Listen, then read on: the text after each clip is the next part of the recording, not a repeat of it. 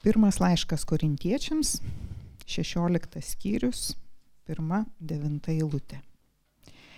Surinkliava šventiesiems darykite taip, kaip nurodžiau Galatijos bažnyčioms.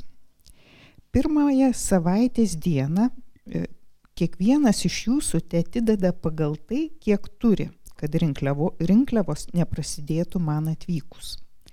Atvykęs pasiūsiu į Jeruzalę žmonės, kuriuos jūs nutarsite esat, esant tinkamus, kad jie su palydimaisiais laiškais nugabentų jūsų dovaną. Jei pasirodytų tinkama ir man keliauti, tai jie vyks kartu su manimi. Atvyksiu pas jūs perėjęs Makedoniją. Mat per Makedoniją eisiu, o pas jūs galimas daiktas pabūsiu arba ir peržiemosiu, kad jūs mane palydėtumėte, kai vyksiu toliau. Nenoriu dabar su jumis susitikti prabėgomis. Tikiuosi, jei viešpats leis, kurį laiką pasilikti pas jūs. Bet Efeze išbūsiu iki sėkminio. Mat man yra atvertos plačios duris našiam darbui ir priešininkų daug. Amen. Tai buvo Dievo žodis. Pasimelskime, dangiškasis tėvė, mes prašom, kad tavo žodis darytų poveikį mums ir mus formuotų. Meldžiame viešpatie, kad tu mus mokytum, ugdytum, kad keistum mus formuotum. Meldžiam, kad tavo žodis mus atgimdytų, žadintų iš dvasinio prisnudimo, augintų mus dvasiškai, visokiojopai brandintų mus Jėzuje Kristuje. Mes atveriam savo širdis ir savo protus viešpatie, kad tu veiktum, kalbėtum mums, mums suprantamų būdų, prašom to mūsų viešpaties Jėzaus Kristaus vardu. Ir visi sakome Amen. Prisėskit, brangieji.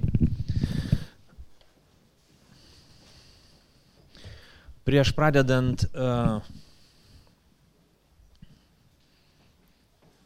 gilintis į laiško uh, korintiečiam 16 skyrių, aš norėčiau dar trumpai papasakoti apie mūsų kelionę į, į Ukrainą. Galbūt kažkas matėte socialiniuose tinkluose, bet norisi paliūdyti, kad mūsų kelionė iš Dievo malonės buvo sėkminga, viešpats maloningas ir jisai palydėjo mus, mes sukorėme kokius 2,5 beveik tūkstančio kilometrų ir nuvažiavome pakankamai gerai. Šį kartą nereikėjo važiuoti per ypatingas kažkokias sąlygas, per pūgą ar sniegą, kelias buvo tikrai puikus, Lenkija labai gražiai tvarkosi su keliais, taigi mes tiesiog skrodėme, veždami surinktą paramą, gausiausia per, per tuos keturis kartus, kiek važiavome ir, ir materialinė prasme, ir svorio prasme visokiojopai. Taigi džiaugiamės, džiaugiuosi, kad mes mums pavyko Lvovo mieste susitikti su Andrėjumi, Kaip jau žinia, šis brolis e, Mariupolietis gyvena daugybę metų Mariupolį, paskui karo pradžioj, pirmą karo dieną pabėgo iš ten ir apsistojo vakarinėje Ukrainos dalyje, paskui kai šeima išvyko į, į Junktinės valstijas, tai yra žmona su dviem vaikais, jisai a, dabar gyvena Zaporižiai, aišku, neturi savo namų, nes namai jo susprogdinti, sudeginti ir jų neturi. Bet man džiugu tai, kad a, iš ties tam tikrą prasme kažkokį Kristaus atspindį matau šitame savo brolyje. Jis turėjo galimybę gruodžio mėnesį penkias ar šešias savaitės paviešėti Junktinėse valstijose, aplankyti savo, savo šeimą. Jisai pabuvo uh, ir grįžo atgal tam, kad tarnautų karo niokomai šaliai, tam, kad būtų kapelionų batalione ir tarnautų, rinkdamas paramą, važiuodamas, drąsindamas žmonės uh, fiksuodamas kažkurios kadrus ir tokiu būdu prisidėdamas padrasinimu ir humanitarinė pagalba tiem žmonėm, kurie kenčia, tiesiogiai kenčia nuo karo. Jeigu kažkas suprantat žemėlapį Ukrainos, tai mes nuvažiuojame į Lvovą, tai 80 km panašiai nuo Lenkijos pasienio, o jie toliau vyksta 1000 km rytus į, į, į pietus, pietri, pietryčius Ukrainos ir iš ten paskui keliauja į fronto liniją pas, pas karius ir, ir, ir, ir civilius. Taigi džiaugiamės tuo, kad galėjome susitikti, trumpai pabendrauti, e, perdavėme paramą ir, ir tikrai labai labai smagiai, džiugiai praleidom tą laiką. 15 e, generatorių nuvežėme elektros, vat, kas nežinot, kaip atrodo, vat taip jis atrodo daiktas. ir pakankamai sunkus, kai kurie lengvesni šiek tiek. Taigi mes tiesiog priekybos centro stovėjimo aikštelėje, kuri pakankamai pustuštė buvo, ten tiesiog perkrovėme iš vieno automobilio į kitą ir tuo a, labai džiaugiamės. A, nuvežėm ne tik generatorius, bet taip pat ir dujų balionus, kurie, manau, bus naudingi jiems gaminantis maistą, nes, nes žinot, infrastruktūra naikinama, greunama, pasako apie tuos nutikimus, kai tiesiog daugia būtyje, kuri, kuris ten pataikė koks sprogmuo, nebėra jokių komunikacijų, bet gyvena vienas kitas žmogus, neįgalų žmonės, senyvi žmonės ir jie neturi jokių komunikacijų, nieko nėra, nei šildymo, nei dujų, nieko nėra, nei elektros. Ir tada žmonės tiesiog gyvena taip, kaip gyvena. Oras panašus kaip čia, įsivaizduokim, kaip jiems reikia gyventi. Ir, ir ačiū Dievui, kad yra tokių drąsių, tikrai, tikrai ne, beprotiškai drąsių žmonių, kurie rizikuodami, tiesioginė žodžio prasme, rizikuodami savo gyvybę, važiuoja ir padeda jiems. A, mūsų parama jau pasiekė, pasiekė ir, ir žmonės, kariškius, jie su kaukiam arba su tokiais veideliais, sako, kodėl tokie veideliai, kažkas paklausė manęs, gal jie labai liūdni buvo, kad šipsenėlė uždėjo. Veideliai dėl to, kad net pažintų jų. Kartais ukrainiečiai padarydavo anksčiau klaidą, kad jie post, dėdavo savo veidus kariškiai į, į socialinius tinklus. Priešininkai pradėjo medžioti jų, jų šeimų narius. Taigi jie, jie nerodo savo veidų ir mes džiaugiamės, kad parama greičiau negu per, per keletą dienų pasiekė tuos, ką mes ją ir siuntėm. Taigi ačiū už jūsų aukas, ačiū už tai, kad aukojate, ačiū, kad pagelbėt visais įmanomais būdais. Aš manau, mes toliau turime melstis, palaikyti tos žmonės ir, ir tarnauti jiems. Ir tokiu būdu tarnaujant, aš esu įsitikinęs viešpačiui Jėzui Kristui ir jo garbėjai išloviai. Galim trumpai pasimelsti, kad ta parama, tos aukos, kurias vežiam, kad jos šildytų, drąsintų, stiprintų tos žmonės, kuriems tos pagalbos labai reikia. Dangiškas įstėvė, dėkojam tau už aukas, už kiekvieną aukojusi žmogų, dėkojam tau už brolius, už seseris, už žmonės, kurie net nėra krikščionys, bet matė naudą, poreikį ir prasme pristėti savo auką. Šlovinam tave viešpatie Jėzau. Už kiekvieną eurą, už kiekvieną gerą valią viešpatie. Šlovinam tave, atidam tau garbę ir, ir šlovę. Dėkojam Dieve, kad tie ryšiai mūsų auga ir stiprėja. Dėkojam, kad tu saugai mūsų keli, pirmin ir atgal. Dėkojam, kad jau pirmoji parama pasiekia žmonės, kuriems to labai reikia.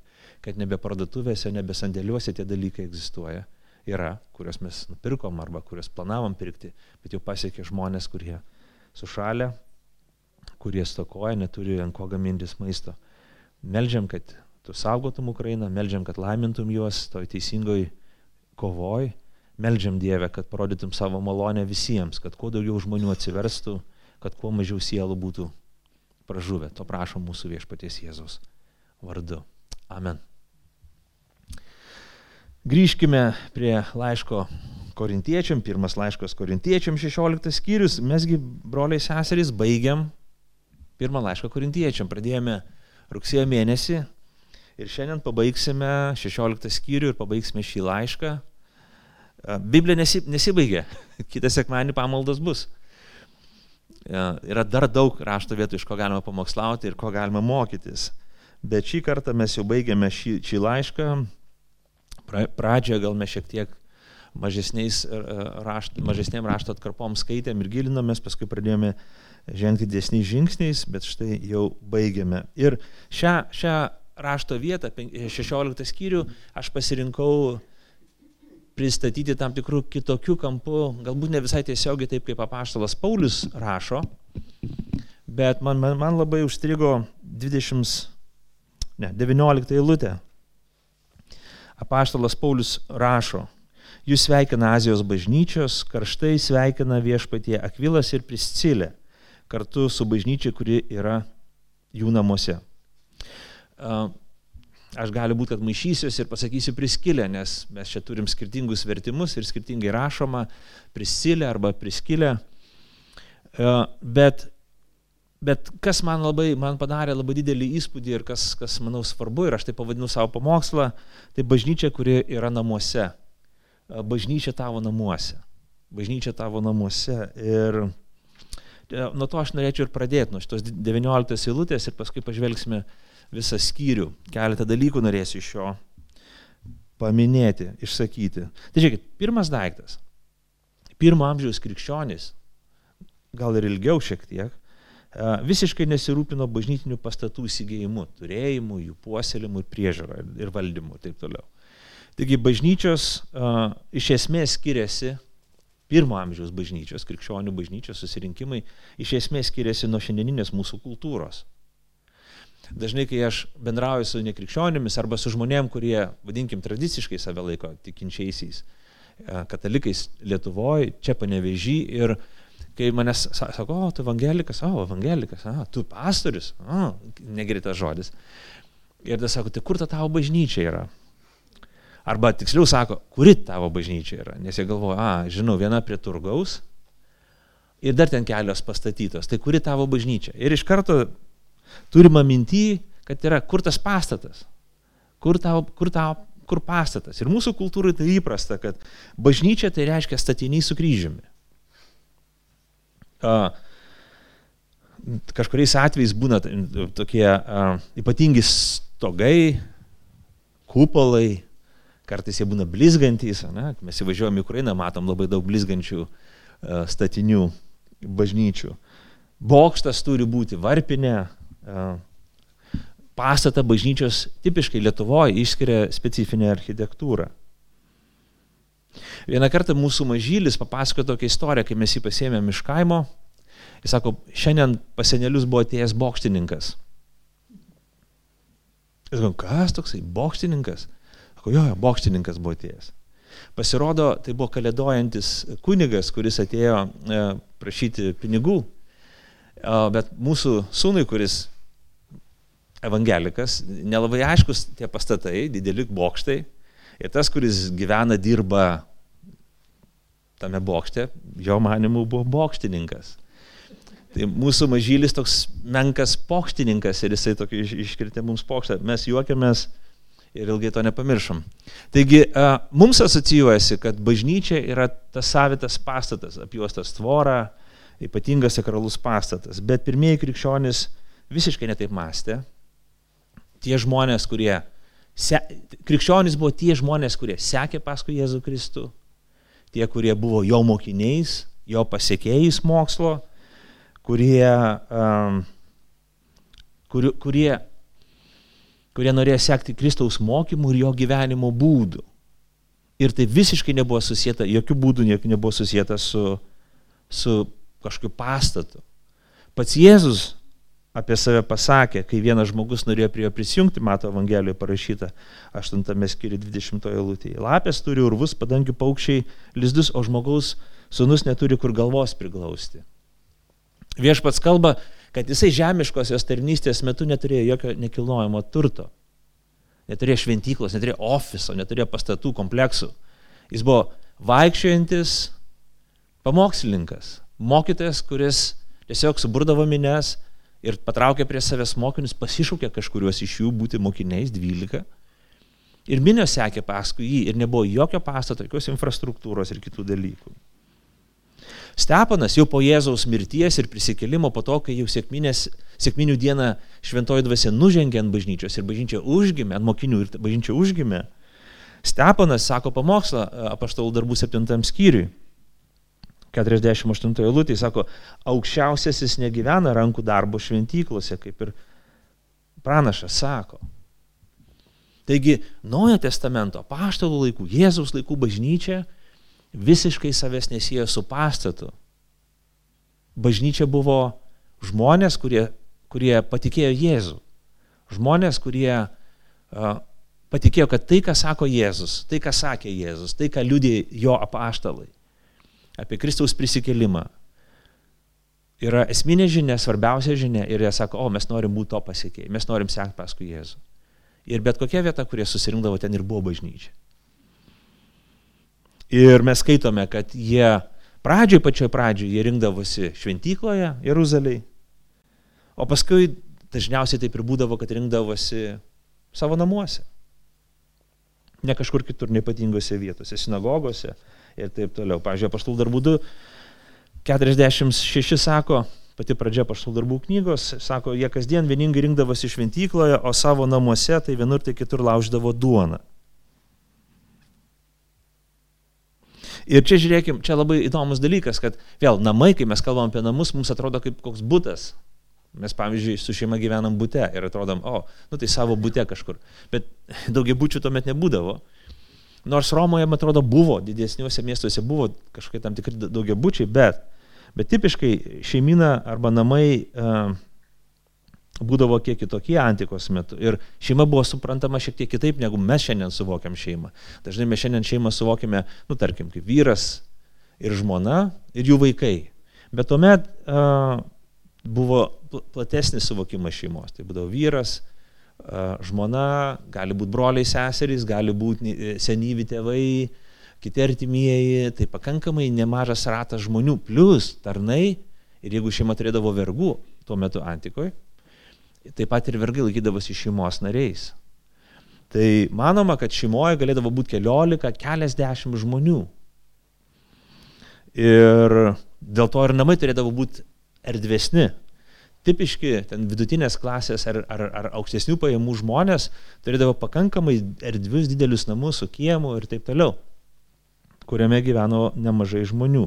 Aišku, jie nebuvo kankinami aukštų dujų kainų ir centrinio šildymo mokesčių, nes nereikėjo labai daug šildymo, bet e, tokia buvo situacija. Ir žiūrėkim, ten, ten ir rinkdavosi Naujo testamento tikintieji. Įtikėdavo žmogus, įtikėdavo šeima ir natūralu, kad jeigu įtiki šeima, tėvas, mama, įtiki namai, ten pradėdavo rinktis tikintieji. Jų svetainę, į jų kažkokį tai kiemą ateidavo kiti broliai seserys iš tų apylinkių arba keliaujantys pamokslininkai arba pro šalį keliaujantis krikščionis ir ten jie švesdavo krikščionišką susirinkimą. Dėl to ir sakoma, žiūrėkit, įtikėjo jis ir jo namai. Ir ne vienoje vietoje. Pavyzdžiui, valdininkas, kuris paprašo Jėzaus, kad išgydytų jo sūnų, Jono Evangelijos ketvirtam skyriui, pamatęs, kad jo sūnus gyvas, kad nemirė, jisai įtikėjo pats bei visi jo namai. Angelas kreipėsi, jau po Jėzus prisikelimo, angelas kreipėsi į šimtininką, pagonių šimtininką, Kornelijų. Ir angelas pasako, tu turi susirasti Petrą, jis tau pasakys žodžius, kuriais išsigelbėsi, turi visi tavo namai. Lydija, turtinga moteris, kuri prekiavo prabangos e, purpurų, prabangių purpurų, apaštalų darbų 16 skyriuje, jin gyvena Filipuose. E, kai jį tikėjo, ji su savo namiškiais buvo pakrikštyta. Toks mentalitetas. Ta, ta, ta, tame pačiame mieste, 16 skyriuje prašyta, kai apaštalas Paulius buvo įkalintas į kalėjimą, kilo žemės drebėjimas ir kalėjimo prižiūrėtojas jau norėjo nusižudyti, pasielgti garbingai, kaip romėnai suvokė. Paulius sustabdo į nusižudybės, tas žmogus įtiki Dievą, sako, Paulius sako, jie sako, ką, dabar, ką, sako, ką reikia dabar daryti, sako, tikėk viešpati Jėzų, tu bus išgelbėtas tu ir tavo namai. Ir taip įvyksta. Kalėjimo prižiūrėtas pasikviečia pas save Paulių tą pačią naktį, jie visi įtiki, tą pačią naktį visi pakrikštėjami ir tampa krikščionimis. Tai labai įprasta. Ne tik uh, Akvilo ir Prisilės namuose buvo bažnyčia, bet, pavyzdžiui, laiškė Filemonui mes skaitome, kad sako, perduok linkėjimus mylimai seseriai Afijai, mūsų bendražygiai Archipui ir tavo namuose esančiai bažnyčiai. Taigi labai įprasta buvo krikščionims, pirmo amžiaus krikščionims, bažnytinius susirinkimus, pamaldas a, turėti kur? Namuose, šeimynoje. Dėl to a, tai labai svarbu, tai labai svarbu. Tuometiniai visuomenė, aišku, vėlgi šeima užėmė labai svarbu vaidmenį, Turėti, turėti šeimą arba priklausyti šeimai reiškia faktiškai būti saugiu visokiojopai. Bet jeigu žmogus prarasdavo šeimą, vienu atveju ten, dėl mirties, lygos arba kitu atveju dėl savo kažkokio tai nusikalstamo netinkamo elgesio, jis prarasdavo ne tik šeimą, bet viską prarasdavo. Ekonominį, socialinį, psichologinį ir fizinį saugumą. Jis likdavo vienas. Nei medicinos nebuvo, nei ugnegesių, nei policijos, kuris saugotų jį nei sodros, nei savivaldybė, nei socialinių darbuotojų. Net psichologų nebuvo, kurie galėtų jam padėti. Nieko. išlikdavo vienas, vienui vienutėlis, visiškai pažeidžiamas žmogus. Taigi priklausimas šeimai buvo gyvybiškai svarbus tuometiniai visuomeniai. Ir čia mums kaip krikščionims, aš manau, mes galim tą prisimindami, tą kontekstą prisimindami, porą dalykų aš norėčiau pabrėžti. Tai pirmas dalykas, aš galvoju, kad labai svarbu mums kaip krikščionims, kad mes, jei mes turim šeimą, jeigu mes priklausom šeimai, labai retais atvejais mes neturim jokių saitų su savo šeima, bet jeigu mes turim šeimą, tai nepaliaujamai melstis ir siekti viso šeimos atsivertimo. Tiesiog mūsų pašaukimas, mūsų kaip krikščionių Taip, pašaukimas mūsų dalis, kad mes melstumės ir, ir siektumėm, kad mūsų artimieji pažintų Dievą ir pažintų Kristaus išgelbėjimą.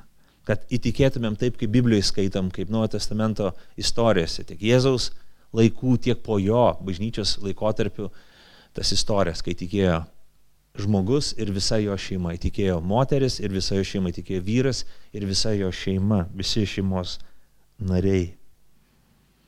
Palaiminti žmonės, kurie, tarkim, būna nekrikščionys ir įtik ir vyras, ir moteris kartu, ne? ir vyras, ir žmona.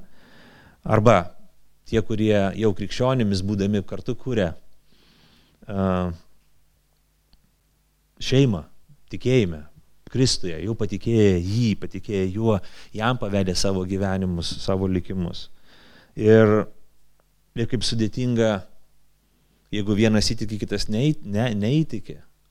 Arba kaip sudėtinga kurti šeimą, jeigu vienas krikščionis, kitas nekrikščionis. Vien iš to žemiškos perspektyvos žvelgiant, žmonės žiūri į dvi priešingas skirtingas kryptis.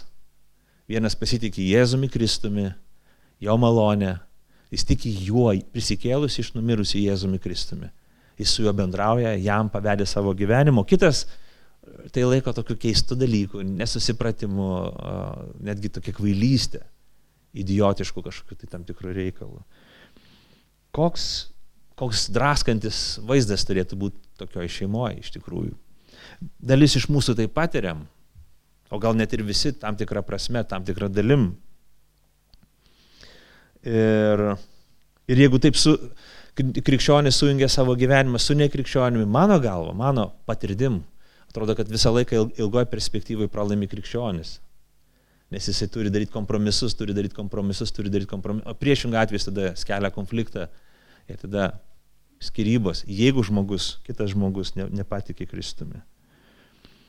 Taip, jeigu mes jau būdami nekrikščionys sutokiam, susitokiam, krikščionybė moko paprasto dalyko, kad mes turime būti ištikimi, tarnauti ir pasitikėti Dievo malonę, kad Dievas paveiks e, netikinti sutoktinį ir jisai tikės.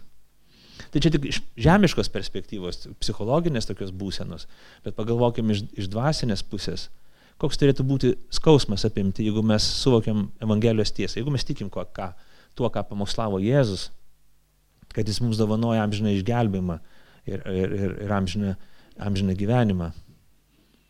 Jeigu mano, man brangiausi žmonės, mano sutoktinis arba mano vaikai atmeta tai, sako, ne, ne, tai kvailystė Aš rūpinuosi jais, aš globoju juos, aš tarnauju jiems. Ir žinau, kad amžinybėje mes, mes eisim į skirtingas, skirtingas skriptis, į skirtingas pusės. Aš turiu vilti Jėzuje, o tas žmogus dvasiškai pražuvęs. Todėl krikščionis, žiūrėkit, brangieji, todėl krikščionis visais laikais labai įstringai troško tarnavo, kad jų artimieji pažintų Kristų. Tiesiog. Net, net ne, ne, ne aš nekalbu apie gazdinimus, manipulacijas, bauginimus, papirkinėjimus, saldainiais ar kokiais kitais dalykais, bet kalbam apie meilės ir tarnystės kelią. Krikščionis suvokė ir suprato, kad turi ištvirmingai tarnauti Kristus nepažinusiems artimiesiems, liūdyti, rodyti gyvenimo pavyzdį, kad tie žmonės galiausiai neklausydami žodžio, kaip apaštalas Petras rašo, bet pamatė mūsų pasikeitusi elgesį, mūsų pasikeitimą, mūsų augimą Kristuje. Jie sakytų, yra Dievas, yra gelbėtas. Ir aš noriu pažinti tavo atpirkėją, tavo išganytoją, viešpati Jėzų. Tai turi būti mūsų didžiausias troškimas. Nepamatyti kalnus, nenuvažiuoti tolimiausią kokią kelionę pasaulio kraštą, nenusipirkti tą, nepavažiuoti su tuo, bet siekti išganimo savo artimiesiems. Taigi aš, aš labai raginčiau, brangiai, jeigu jūsų šeimoje yra žmonių, kurie nepažįsta Jėzaus, nepažįsta viešpaties, ne, nepašventė savo gyvenimo jam, tai tai bus nenuilsanti jūsų malda ir traškimas. Aš noriu vesti neurozinių kažkokių tai būsenų ir jausenų. Pasitikėkit viešpačiu. Jis nori išgelbėti mūsų artimuosius labiau negu mes patys. Bet mes turim trokšti, mes turim melisti, mes turim tarnauti, mes turim nepamiršti, mes turim siekti šito dalyko, nes tai yra labai reikšminga. Viešpaties valia, kad mes ir visa mūsų, mūsų šeima tarnautų viešpačiui. Antras dalykas, ką norėčiau pasakyti, kad jei jau mes esam krikščionis, jei mūsų šeima, mes sakom, o mes krikščionis, jei tu vyras esi krikščionis, jei tu žmona esi, jei jūs abu esate krikščionis, tai jūsų šeima krikščioniška. Ir tuomet mums yra didžiulė privilegija, duota privilegija, viešpaties duota privilegija tarnauti jam, tarnauti Kristui ir tarnauti jo bažnyčiai. Lygiai kaip darė apaštalų laikų bažnyčia, ta bažnyčia, apie kurią skaitome Naujame testamente, jie atverdavo savo namus ne tik tai viešpaties Jėzaus Kristaus žiniai, minčiai, idėjai, bet ir kūniškam tos idėjas pasireiškimui, tai yra kitiems tikintiesiems ir bažnyčiai. Jie primdavo keliaujančius krikščionis, tokį Airbnb turėdavo krikščionišką, kad krikščionis klausdavo, o, aš keliauju kažkokiais reikalais ar misijos reikalais į kažkokį kelią ir man reikia sužinoti, ar ten yra ar ten yra kitų krikščionių. Ir jie turėdavo appsą specialų, kuriame pasižiūrėdavo, o, ten yra krikščionių, tai reiškia, tie krikščionys mane prims, reiškia, jie man patarnaus, reiškia, aš būsiu saugus, aš būsiu priimtas. Ir krikščionys suvokė labai aišku, aišku įsipareigojimą, kad jie turi priimti kitus krikščionis. Šventas raštas kalba, sako, kad kartais jie nežinodami primdavo angelus. Kalbam apie pradžios įvykius, ne? kai priėmė svečius, Lotas priemas, nežino net ką priema, ten Dievo angelai buvo. Ir čia labai svarbus dalykas yra. Tai krikščionis atveria savo namų duris, priima. Krikščionis ne tik žodžiais, bet darbais išpažįsta tą tikėjimą į Jėzų Kristų. Tada šeimos nariai pradeda darbuotis, jie priima ne tik karts nuo karto keliaujančius žmonės, bet priima bažnyčią, kaip pris, Prisilė ir, ir Akvilas pas juos namuose rinkdavosi, susi, būdavo susirinkimas krikščionių, kurie pirmąją savaitės dieną ateidavo, kad garbintų Jėzų Kristų, šlovintų jį ir, ir vienas kitą drąsintų gyventi taip, kaip moko Evangelija. Taigi krikščionis ne tik tai žodžiais, bet darbais, laiko, pinigų ir pastangų kainuojančiais sprendimais tarnavo viešpačiui ir bažnyčiai. Tai, tai yra krikščioniška filosofija. Tai krikščioniškas mokymas, tai krikščioniškas gyvenimo būdas. Kad aš ir mano namai tarnauja viešpačiui. Jei aš patikėjau jį, jei mano namai išpažino jį, mes esam Kristaus tarnai, mes esam atviri. Ar mes mokam tai daryti? Nelabai. Kaip mums gaunasi? Hmm, mokomės. Bet mes norim daryti pastangą, mes norim stengtis, mes norim susimti. Mes nesiskundžiam, jeigu mums kainuoja. Mes mokomės nuryti kažkokius dalykus, mokomės iš patirties, bet mes norime būti autentiški, tikri Kristaus pasiekėjai. Ne tik apsimetinėti, ne tik ten čiūriko tokie būti. Nu, tipo, esu. Bet iš tikrųjų jais būti. Ir aš parodysiu tris pamokas, kurias man, matau šitame skyriuje, kalbant, kurios galėtų būti mums, mūsų namams. Mūsų namams galėtų būti pamokos. Tau ir tavo namiškiams, man ir mano namiškiams, mums, brangiai, jeigu mes siekiame tarnauti viešpačiu Jėzui.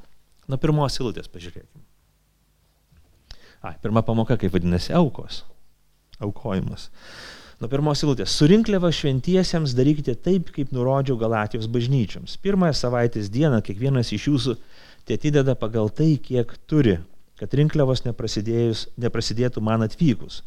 Atvykęs pasiūsiu į Jeruzalę žmonės, kurie, kuriuos jūs nutarsite esant tinkamus, kad jie su palidimaisiais laiškais nugabentų jūsų dovaną. Jei pasirodytų tinkama ir man keliauti, tai jie vyks kartu su manimi. Taigi žiūrėkime. Paulius organizuoja kažkas rinkliavas.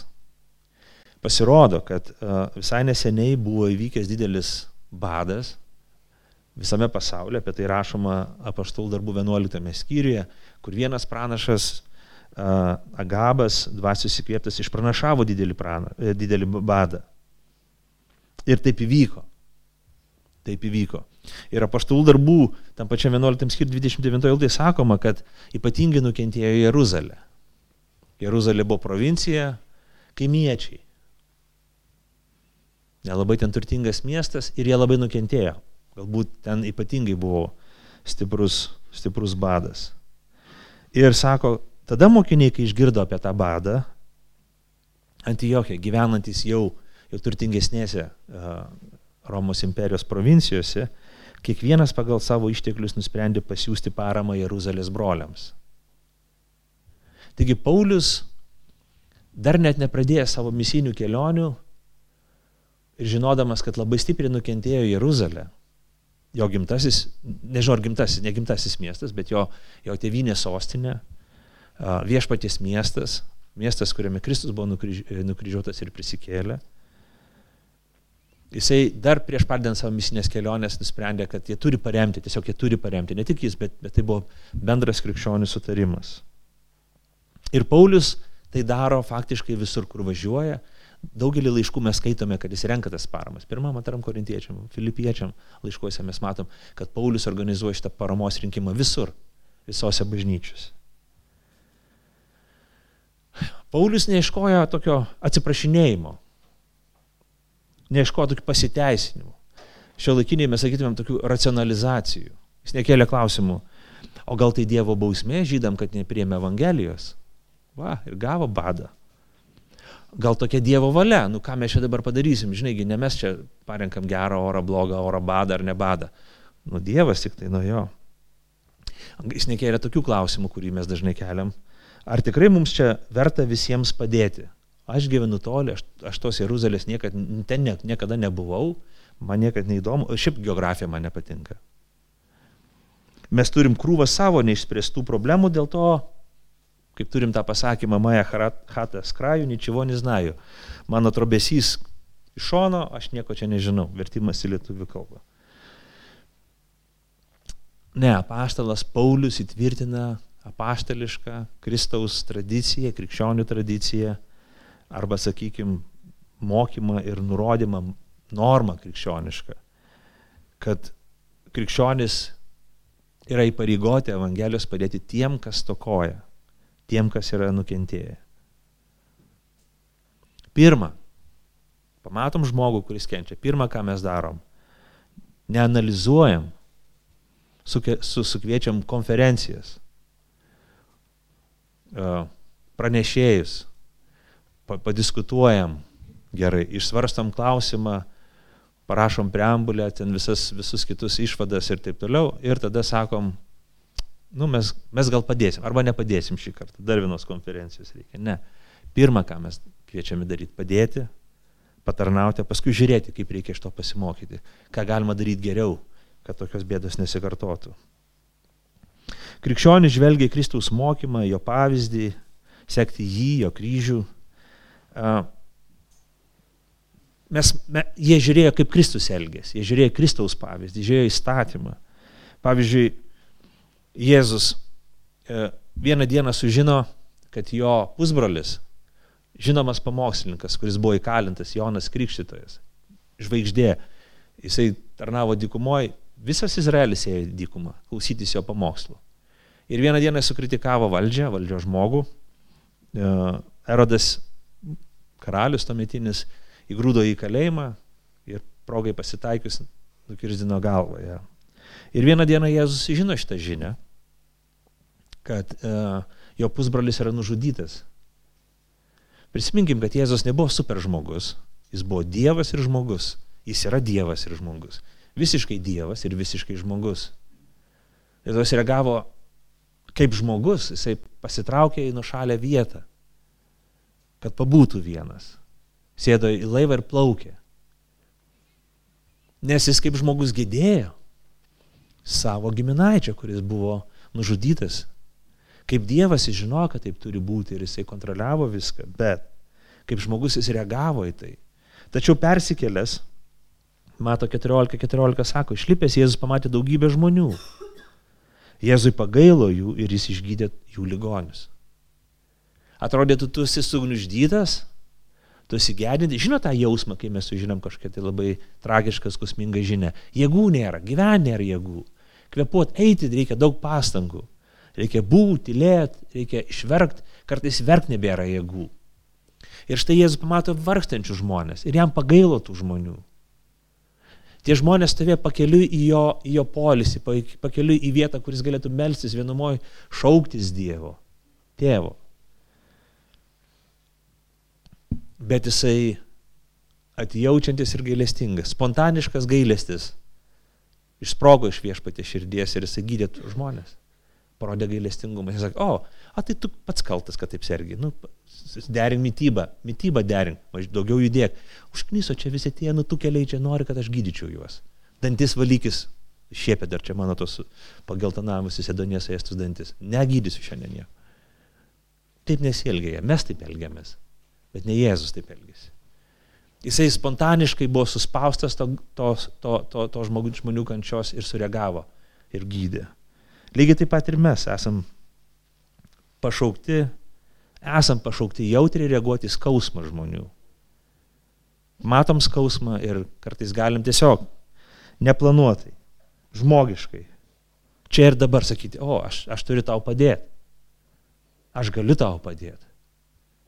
Davai ieškom kažkokio sprendimo, ne, ne, nepaliekam taip visko, nepaliksiu aš tavęs čia gatvėje. Mes pašaukti kaip krikščionys taip reaguoti. Ir kaip bažnyčia. Nesako, kad mes neturim planuoti, nes Pauliaus šita, šita rinkliava, apie kurią mes konkrečiai kalbam, kai jis rašo laišką korintiečiam, buvo planinga, planuota, organizuota. Taigi mes turime ir tos svarstymus, diskusijas, planavimus, strategavimus, viskas tai gerai, bet kartais mes kaip krikščionys galim reaguoti staigiai ir čia ir dabar. Dėl to aukojimas stokojantiem, gailestingumo aukos yra gili krikščioniška tradicija, kyla iš paties viešpaties Jėzaus Kristaus. Ir tai jeigu tu esi krikščionis, jeigu sakai, aš noriu būti krikščionis, tu negali būti negailestingas. Nes tiesiog viešpats Jėzus tave pašaukė, tau atleido, tave priemė iš savo gailestingumo.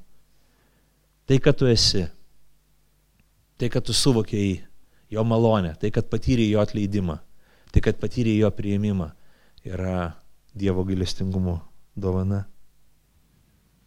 Taigi, aukos yra, galestingumo aukos yra neatsiejama krikščioniškos mokinystės, krikščioniško gyvenimo disciplina. Ir aš, aš labai raginčiau, aš minėjęs bažnyčioje esu nekarta, kad aukas aš labai raginčiau, jeigu jūs šeima, pavyzdžiui, esate, kad aukas aukotumėt ne jūs vienas, ar tėvas, ar mama, įdėtumėt pinigus ir kiti nežino. Bet visa šeima kartu, apie tai kalbėtumėt prie pietų stalo, ar vakarienės stalo, kokį jūs turit, ar kavos stalo, kokį jūs turit namuose, kur ten susirinkat. Ir kad mokytumėt savo vaikų, mokymėt savo vaikus, kad tai labai svarbu, tai reikia, mes turim prisidėti. Kiek tu prisidėsi? Pabarškink savo keulę taupyklę ir išimk iš jos eurą, kitą, trečią. Tiek, kiek tiek, kiek manai teisinga prisidėti prie stokojančių, prie vargstančių, prie tų, kuriems dabar labai sunku. Kristus davė, mes taip pat duodame.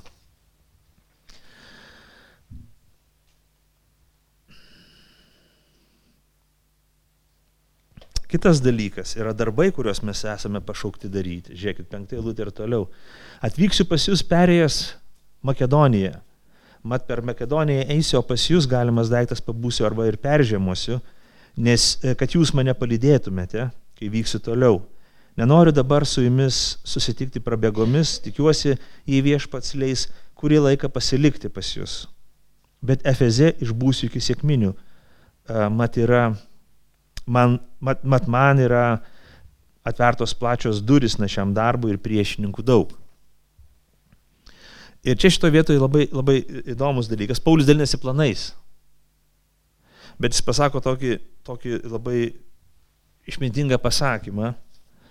Jei viešpats leis, septinta eilutė, tikiuosi, jei viešpats leis, kurį laiką pasilikti pas jūs. Iš tikrųjų viešpats neleido. Tai buvo Pauliaus planai ir Paulius netvyko taip, kaip planavo. Dėl to korintiečiai susierzina ir sako, koks jis apaštalas, jeigu sako vieną, daro kitą. Karočią, jie jie susinervino. Bet Paulius perspėjo, jei viešpats leis. Aš manau, kad čia labai, labai svarbus dalykas, tas mūsų suvokimas, kad ne mes esam pasaulio valdovai. Ne mes esam karaliai, ne mes esam tie, kurie viską nusprendžiam. Net jeigu mes esam krikščionys, net jeigu mes jau gyvenam taikoje su viešpačiu, net jeigu mes dėl, dėl, dėl savo planų, darbų, mes prašom Dievo valios ir jo vedimo, mes vis tiek turim suvokti, kad turim dalinį suvokimą. Ir kažko, kažkuri Dievo valia nuo mūsų paslėpta, ypatingai tos situacijos ir dalykai, kas vyks ateityje, viešpas neduoda mums visko iškau, viso iškau žinojimo. Dėl to mes neturim pasitikėti tik savo jėgom talentais, metodais, išsilavinimu, susitarimais ir, ir planavimu. Nes gali būti, kad nebus taip, kaip mes suplanavom. Tiesiog viešpats neleidžia taip daryti ir taip neįvyksta. Taigi ne viskas, ką mes planuojam, išsipildo, ne viskas, ką mes planuojam, yra teisinga, ne viskas, ką mes planuojam, yra viešpaties duota, ne viskas mūsų rankomis. Ir mums, mūsų Evangelija moko neįsijausti per stipriai į tokį pasaulio valdytojo, menedžerio vaidmenį. Jei viešpats duos, jei viešpats duos, nusižeminti, sakyti, pripažinti savo pavaldumą, savo subordinaciją, kad aš priklausau nuo jo, taip aš planuoju, taip mes ketinam, taip mes, toks mūsų planas, bet viešpas gali va, tiesiog visai kitaip tos dalykus padaryti. Ir čia toksai ir psichologiškai mums, aš manau, tai naudinga, Nes kai mes galvom, kad viską su, suplanuojam, viską sudėliojam, tai nėra blogai, tai yra teisingas, geras dalykas. Bet kartais mes galvom, tada mes privalom ir kontroliuoti visą įvykdymą. Ir kai kažkas neįvyksta pagal mūsų planą, mes sutrinkam, mes pasimetam, mes pykstam. Mes galvojam, arba aš blogas, arba tie, kurie vykdė blogį yra ir taip toliau. Bet jeigu mes suvokiam, kad yra dar Dievas, kuris gali koreguoti mūsų planus, tuomet mes būnam šiek tiek laisvesni, mes planuojam, mes svarstom, mes strateguojam, kaip Paulius darė. Bet sakom, jeigu viešpats kitaip ne, ne, nesugalvos. Ir tada žiūrėkit, planai pasikeičia. Netikėtai Paulius atsėdė kalėjimą, pavyzdžiui, už Evangelijos skelbimą. Tai buvo ne kartą. Ir Paulius sako, o, žodžiu, aš turėjau būti korintė, dabar aš būčiau buvęs korintė, aš turiu sėdžiam kalėjime, sėdžiam kalėjime, nekenčiu to kalėjimo. Ir ne, Paulius taip nemastė, jisai galvo, o, okei, okay, Mes esam kalėjime, reiškia viešpas panoro, kad būtumėm kalėjime. Ir būdamas kalėjime, Filipuose, jis gėda giesmės, himnus. Ne taip gėda, kad visi iš, iš proto išėjo, bet kad visi kaliniai klausė, kaip jis gėda. Maloningai, gražiai, su derme, su intonacijom, dar stop, gal greičiausiai, nes kito instrumento neturėjo, aš juokauju. Bet, bet taip, kad kiti klausė ir jisai pasitarnavo, buvo naudingas, būdamas kalėjime buvo naudingas, nes jis turėjo laisvą širdį. Viešpas gali pakreipti. Nesidėlioja dalykai, aš galiu sakyti, viešpatė, reiškia, tu įsimaišiai į mano, mano planavimą dalykus. Ir tada, kaip aš galėčiau būti naudingas tau? Kaip aš galėčiau šlovinti tave savo buvimu čia, kur, kur esu? Ir Paulius sako, mat man yra atvertos plačios duris na šiam darbui ir priešininkų daug. Taigi, Paulius, tuo metu jis buvo Feze, daug atsivertė žmonių Feze. Kaip mes žinom, labai didelė bažnyčia stipri bendruomenė, misionieriška bendruomenė. Ne tik jie gyveno savo, norėjo būti gražus, pastatyti gražų pastatą, turėti labai viską gražų susirinkimą, bet jie buvo misionieriški. Jie ne tik tai suvokė, kad Evangelija išganimo žinia jiems, bet jie suvokė atsakomybę, kad jie gavo išganimo žinią ir dabar atsakingi neštą išganimo žinią į visą regioną, visiems žmonėms, visą kraštą. Ir daug žmonių atsivertė, daug, daug žmonių atsivertė. Darbo daug. Darbo daug, nes reikia paaiškinti Evangeliją atsivertusiems žmonėms. Reikia išugdyti juos, reikia nukreipti, formuoti ir taip toliau. E, bet kaip taisyklė, toks įdomus dalykas, žiūrėkime, kaip taisyklė, sako, e, Devintoji lūtė. Mat, uh, mat man yra atvertos plačios duris našiam darbui ir priešininkų daug. To negerai perskaičiau. Mat man yra atvertos plačios duris našiam darbui, aš norėčiau pasakyti, ir priešininkų nei vieno nėra. Va, toksai, va, biškai pataisyt, kažkaip čia klaida čia matyt buvo, pataisau. Šventą raštą, kaip man atrodo teisingiau. Bet iš ties ne taip. Šventas raštas sako, žiūrėkime, darbo daug ir priešininkų taip pat daug. Kaip tarytum kažkoks principas yra. Taip yra šventam rašte. Kažkoks yra dėsnis šitame pasaulyje, kad jeigu mes darom gerą, būtinai kažkas tai mums darys blogą. Mes kopsim į šviesą ir būtinai gausim kažkokį tai smūgį, kažkai, kažkas tiekš mums į veidą. Kažkas mums driokstels mūsų gyvenime, taip kad mus norėtų sužlugdyti. Mes žinom, kad šio pasaulio valdovas, priešininkas, šetonas kovoja prieš Kristų ir jo bažnyčią. Dėl to Pauliaus neišgazino daryti gerus darbus. Pasipriešinimas. Atvirkščiai jam buvo aiškus ženklas, kad tai labai gera, geras, teisingas dalykas. Darai gerą ir susilaukia pasipriešinimo. Teisingai, reiškia, toliau reikia daryti gerą. O nesakyti, o, žiūrėkit, kažkaip čia vabiškai, kažkas čia pasakė, kažkaip pasižiūrėjo kažkas į mane. O taip, o taip, žinokit, o taip pasižiūrėjo. Ir aš supratau, koks spaudimas, naktį nemegojau, valerijono geriau ir taip toliau. Gerai, kad nekatinas esi. Valerijoną gerdamas. Bet ir mes tada, o, kokie, kokie mums čia būna labai sunku nuo visko. Juos mušė, apaštalus mušė, žudydavo, kryžiuodavo galvas kapodavo jiems už, už Evangelijos liūdimą. Ir jie suvokė, jeigu yra pasipriešinimas, jis neturi stabdyti mane nuo teisingo dalyko. Ir Paulius sako, būdėkite, 13 eilutė. Uh, tvirtai stovėkite tikėjime, elkitės vyriškai, būkite stiprus, visą, ką darote, darykite su meilė. Taigi, žiūrėkit, ne aplinkybės mums turi parodyti, kas teisinga, bet teisingumo suvokimas turi parodyti. Ir tada Paulius sako, būkit, dirbkit, uh, dirbkit taip, kad uh, jūsų darbas, jūsų uolumas, jūsų ryštas, jūsų apsisprendimas būtų tvirtas, nepajudam, kad būtumėte tvirti tame, ką darot. Bet darbuokite su melė. Kartais pasipriešimas mus padaro agresyviais. Ir kartais mes jau nebe ne, pametam meilę. Tai nėra gerai. Paulius primena, kad mūsų darbai turi būti atlikti su meilė. Labai svarbus daiktas, labai svarbus dalykas, ką pasakysiu. Kad tikras krikščionio pasigirimas yra. Tai jo darbai atlikti Dievo garbiai ir Kristaus šloviai. Štai kas pasigirimas yra. Kai mes darome darbus Jėzaus Kristaus garbiai ir šloviai. Tai bažnyčio šlovė, tai tikinčiojo šlovė, tai tikinčiųjų šlovė ir garbė. Mes, juos, mes savo darbus nusinešime į viešpaties akivaizdą bet jie bus ištirti. Ar tikrai viešpačiui mes juos darėme, ar tikrai dėl jo darėme garbės, ar tikrai nenorėdami savęs parodyti, viešpats ištirs. Bet mes kaip krikščionys turim tą žinot, mes kaip bažnyčia turim žinot, kad tikroji krikščionio atsivertimo šlovė, grožis ir įrodymas yra darbai, kuriuos jis daro dėl Kristaus ir jo garbės. Dėl to turtingas tas, kuris turtingas gerais darbais. Turtinga ta bendruomenė, kuri gausi viešpaties darbų. Nepailstanti, nepavarkstanti, bet besidarbuojanti. Ir lengvai pasakanti, ne, ne iš mūsų tai, bet iš viešpaties. Kaip Paulius sakė, Dievo malonė darbuojasi per mane 15 skyriui.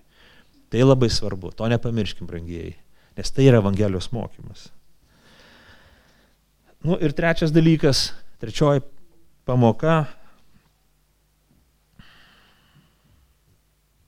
Mhm. Dar prie antros nepasakiau poros dalykų, bet nebe, nebekalbėsiu. Gerai. Trečias dalykas yra prieimimas, prieimimas kitų žmonių. Čia ilgesnės ištraukos, aš jų neskaitysiu, gal dešimtą eilutę ir iki dvyliktos, žiūrėkit. Ir jei atvyks Timotiejus, Paulius rašo, žiūrėkite, kad jis gyventų pas jūs be baimės nes jis dirba viešpaties darbą kaip ir aš. Taigi, tegul niekas jo neniekina, išlydėkite jį su ramybė, kad atvyktų pas mane, nes, nes laukiu jo su broliais. O dėl brolio Apolo, tai aš didžiai troškau, kad jis su broliais keliautų pas jūs. Bet jis niekaip nenori šiuo metu. bet atvykęs radė, atvyks radęs tinkamą laiką. Nu dar paskaitysiu 15 eilutę ir 16. Prašau jūsų broliai, jūs pažįstate Stepano namus, jie yra Hajos pirmatikiai ir atsidavę tarnauti šventiesiems, kad jūs taip pat paklustumėt tokiems žmonėms ir, ir visiems, kurie mums padeda ir su mumis dirba. Nu, dar porą eilučių.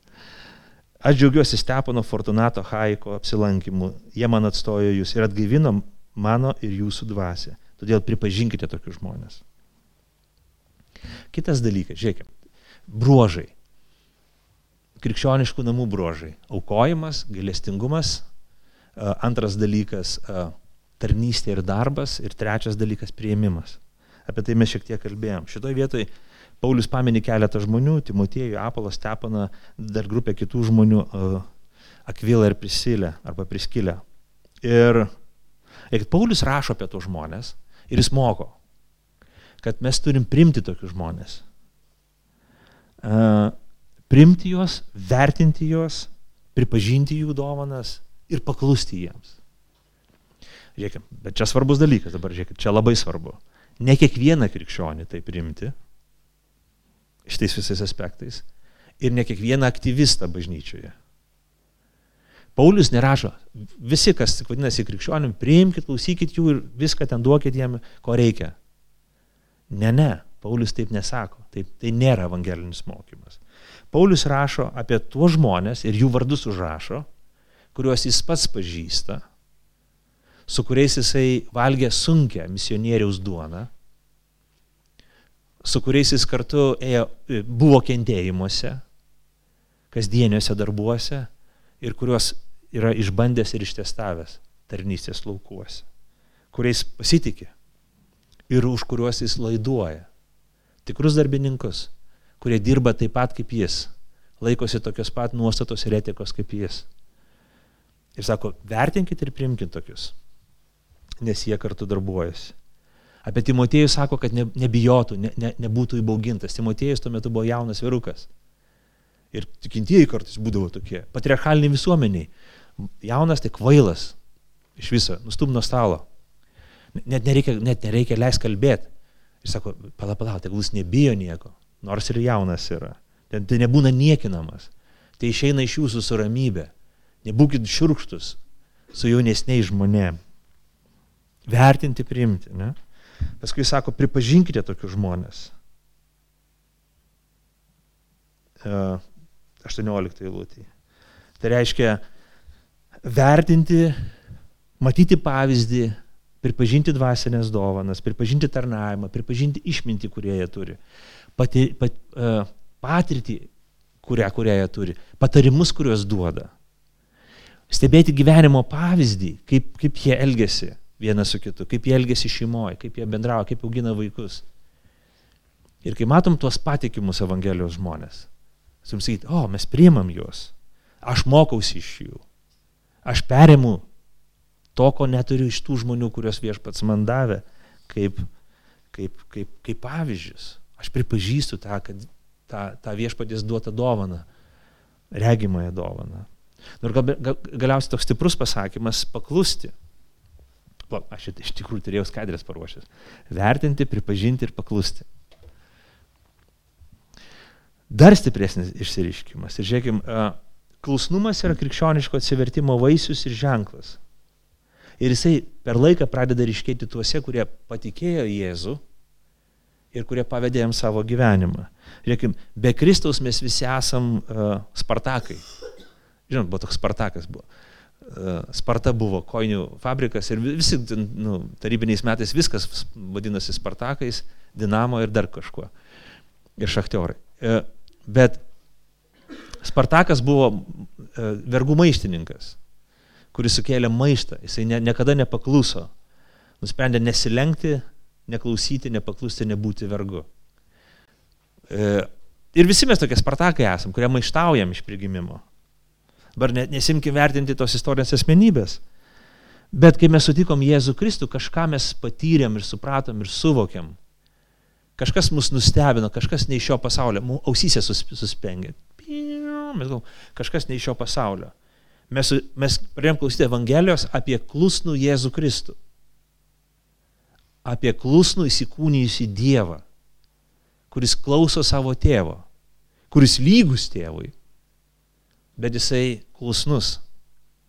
Klusnus tuo, kad tapo žmogumi, klusnus tuo, kad netgi sutiko mirti, klusnus tuo, kad sutiko žiauriai ir mirti kaip kankinys. Klusnumas.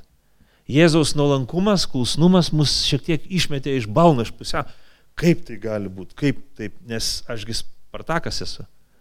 Ašgi turiu kovoti, aš turiu niekam nenusilenkti. Ir štai mane labai traukia Jėzus paprasti žodžiai, jo nuolankumas ir klusnumas.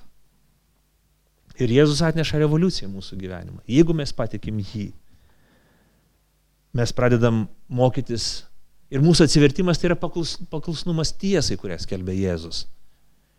Klusnumas pačiam Kristui. Pirmiausia. Klusnumas Evangelijai, kuri turi galios išgelbėti kiekvieną iš mūsų. Paskui mes pradedame mokytis klusnumo vienas kitam. Ne kad kautis turim, ne kad įrodyti, kas čia galingesnis. Ne alkūnėmis brautis vienas per kitą, bet tiesiog klausyti vienas kitą. Ir visi paklusdami vieni kitiems, apaštalas Paulius sako. Visi paklusdami vieni kitiems. Ne hierarchinė struktūra, kur vienas viską žino ir nurodinėja visiems, ką reikia daryti. Bet kaip kūnas, kurio galva yra Kristus, visi paklūsta vieni kitiems. Neįtikėtinas dalykas. Ir Paulius sako, pakluskite jiems. Pakluskite brandiems žmonėms, pakluskite tiems, kurie išmėginti tarnavimo naštų, išmėginimų, kančių, kentėjimų ir skausmų.